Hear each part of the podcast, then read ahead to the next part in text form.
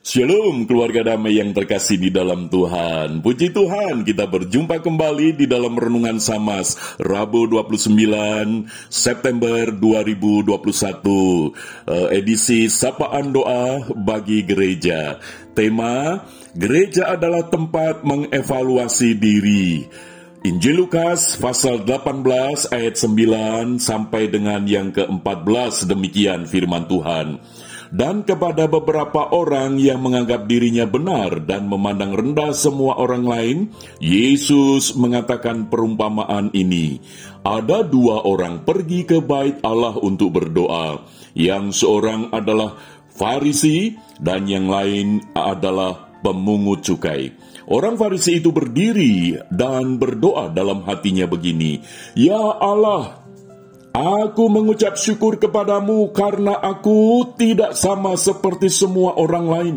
Bukan perampok, bukan orang lalim, bukan pezina, dan bukan juga seperti pemungut cukai ini. Aku berpuasa dua kali seminggu. Aku memberikan sepersepuluh dari segala penghasilanku. Tetapi pemungut cukai itu berdiri jauh-jauh. Bahkan ia tidak berani menengadah ke langit Melainkan ia memukul diri dan berkata, Ya Allah, kasihanilah aku orang berdosa ini. Aku berkata kepadamu, orang ini pulang ke rumahnya sebagai orang yang dibenarkan Allah, dan orang lain itu tidak. Sebab barang siapa meninggikan diri, ia akan direndahkan, dan barang siapa merendahkan diri, ia akan ditinggikan. Puji nama Tuhan, keluarga damai. Seringkali orang menganggap bahwa gereja itu adalah tempat untuk mengevaluasi orang lain, bukan mengevaluasi diri sendiri. Maka itu kalau orang datang ke gereja, itu sibuk mengamati, memperhatikan orang lain untuk dinilai, untuk dievaluasi. Apa pun itu, baik dengan jemaat, sesama jemaat, atau para pelayan Tuhan mulai dari aser, kantoria, pemusik, bahkan penatua, bahkan pendeta. Ada jemaat yang sibuk mengevaluasi itu. Sampai-sampai dirinya tidak dievaluasi. Itulah yang terjadi. Maka gereja adalah tempat mengevaluasi diri kita sendiri di hadapan Tuhan. Firman Tuhan tadi menegaskan bahwa Tuhan Yesus mengajarkan melalui perumpamaan. Ada dua orang pergi ke bait Allah untuk berdoa. Seorang Farisi dan seorang pemungut cukai. Siapa Farisi? Farisi kalau kita melihat di dalam kamus Alkitab, di sana dijelaskan satu golongan dari para rabi dan ahli Taurat yang sangat berpengaruh. Mereka berpegang pada Taurat Musa dan pada adat istiadat nenek moyang. Matius 8 uh, Matius 15 ayat yang kedua. Seluruh hukum dan peraturan mereka taati secara mutlak. Keluarga damai, maka itu tidak heran kalau Tuhan Yesus mengungkapkan bahwa orang Farisi ini itu ketika berdoa di dalam bait Allah, dia berdoa demikian, Ya Allah, aku mengucap syukur kepadamu, karena aku tidak sama seperti semua orang lain, bukan perampok, bukan orang lalim, bukan pezina, dan juga bukan seperti pemungut cukai ini. Aku berpuasa dua kali seminggu, aku memberikan sepersepuluh dari segala penghasilanku. Wow, hebat bukan? Mungkin orang akan menilai orang Farisi ini hebat, ciami ini. Luar biasa. Memang, saudara. Tetapi yang menilai hati bukan manusia. Yang menilai hati adalah Tuhan. Maka itu ketika pemungut cukai ini sadar bahwa yang menilai hati itu adalah Tuhan, dia tahu siapa sih pemungut cukai itu? Di dalam kamus Alkitab diberi penjelasan. Pemungut cukai adalah petugas-petugas yang diserahi pemungutan bea dan cukai untuk pemerintah penjajah yaitu Roma. Seringkali mereka memeras rakyat untuk keuntungan mereka sendiri sehingga mereka juga disebut sebagai orang yang berdosa. Itu dicatat di dalam Injil Matius pasal 9 ayat ke-10. Keluarga damai.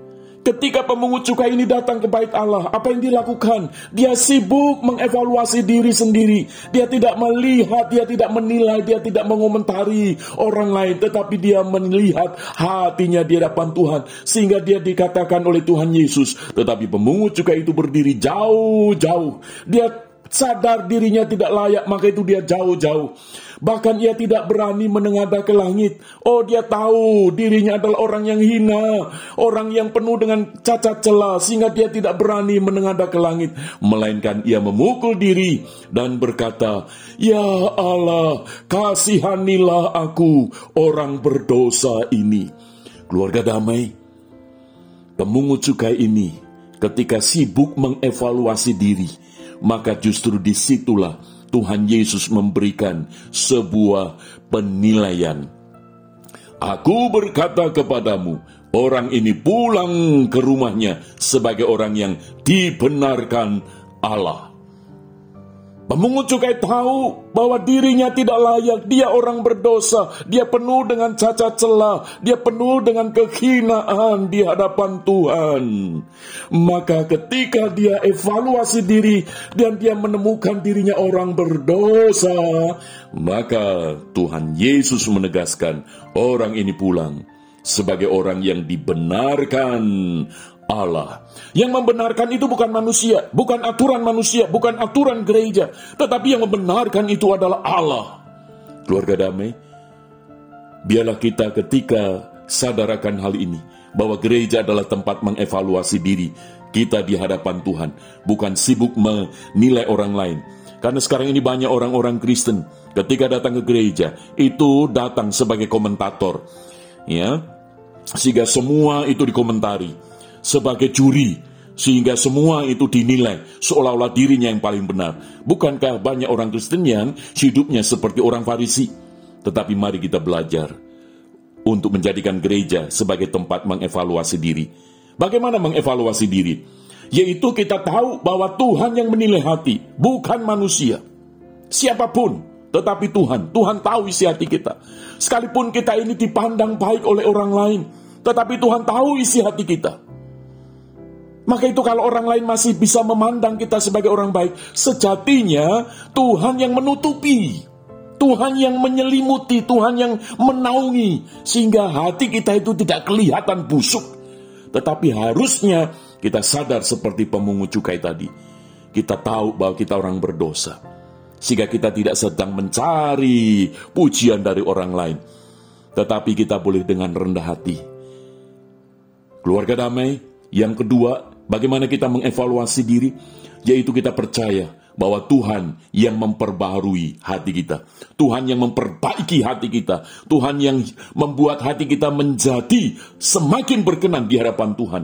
Dan itu yang terjadi. Bahwa pemungut cukai ini dibenarkan oleh Tuhan. Sehingga dia sehingga Tuhan Yesus menegaskan barang siapa meninggikan diri, ia akan direndahkan. Dan barang siapa merendahkan diri, ia akan ditinggikan. Jadi gereja, ketika kita datang ke gereja, itu urusan kita dengan Tuhan. Walaupun memang kita menjadi orang yang peduli, perlu peduli. Tetapi dalam hal ini, biarlah kita mengawali satu tindakan kita mengevaluasi diri kita di hadapan Tuhan, tidak mengevaluasi orang lain. Sebagaimana pujian di dalam NKB 193, aku hendak berhati tulus.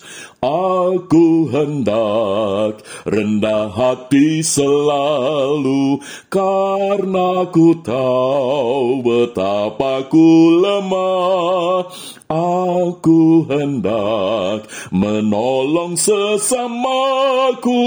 Allah Esa selalu ku sembah. Allah Esa selalu ku sembah. Mari kita berdoa. Bapak Surgawi kami mengucap syukur sebagai gereja. Biarlah kami disadarkan untuk tahu bahwa gereja adalah tempat mengevaluasi diri kita, diri kami di hadapanmu secara terbuka, di mana tidak ada satupun di dalam hati kami yang tersembunyi di hadapanmu. Maka itu biarlah gereja menjadi tempat di mana kami menilai diri kami sendiri, yaitu dengan segala kerendahan hati. Kami mengaku diri kami sebagai orang yang berdosa. Biarlah kami boleh sibuk menilai diri, tidak sibuk menilai orang lain, tidak sibuk mengevaluasi orang lain, tidak sibuk mengomentari orang lain, tetapi biarlah kami dengan rendah hati mengevaluasi hati kami masing-masing. Dan kami percaya Engkau yang akan memperbaharui hati kami ketika kami beribadah kepadamu. Biarlah engkau yang berkenan mengampuni segala dosa kami. Dan engkau berkenan memperbaharui hidup kami, hati kami ini. Untuk boleh menjadi alat kemuliaan Tuhan. Di dalam tutur kata kami, di dalam sikap dan perbuatan kami. Kami boleh menjadi orang-orang yang dipakai menjadi alat kemuliaan Tuhan. Terima kasih Bapa untuk firman-Mu. Biarlah kami boleh sadar bahwa gereja adalah tempat untuk mengevaluasi diri kami sendiri di hadapanmu. Terpujilah engkau Bapa di dalam nama Tuhan Yesus kami berdoa. Haleluya. Amin. Keluarga damai, Tuhan Yesus memberkati. Amin.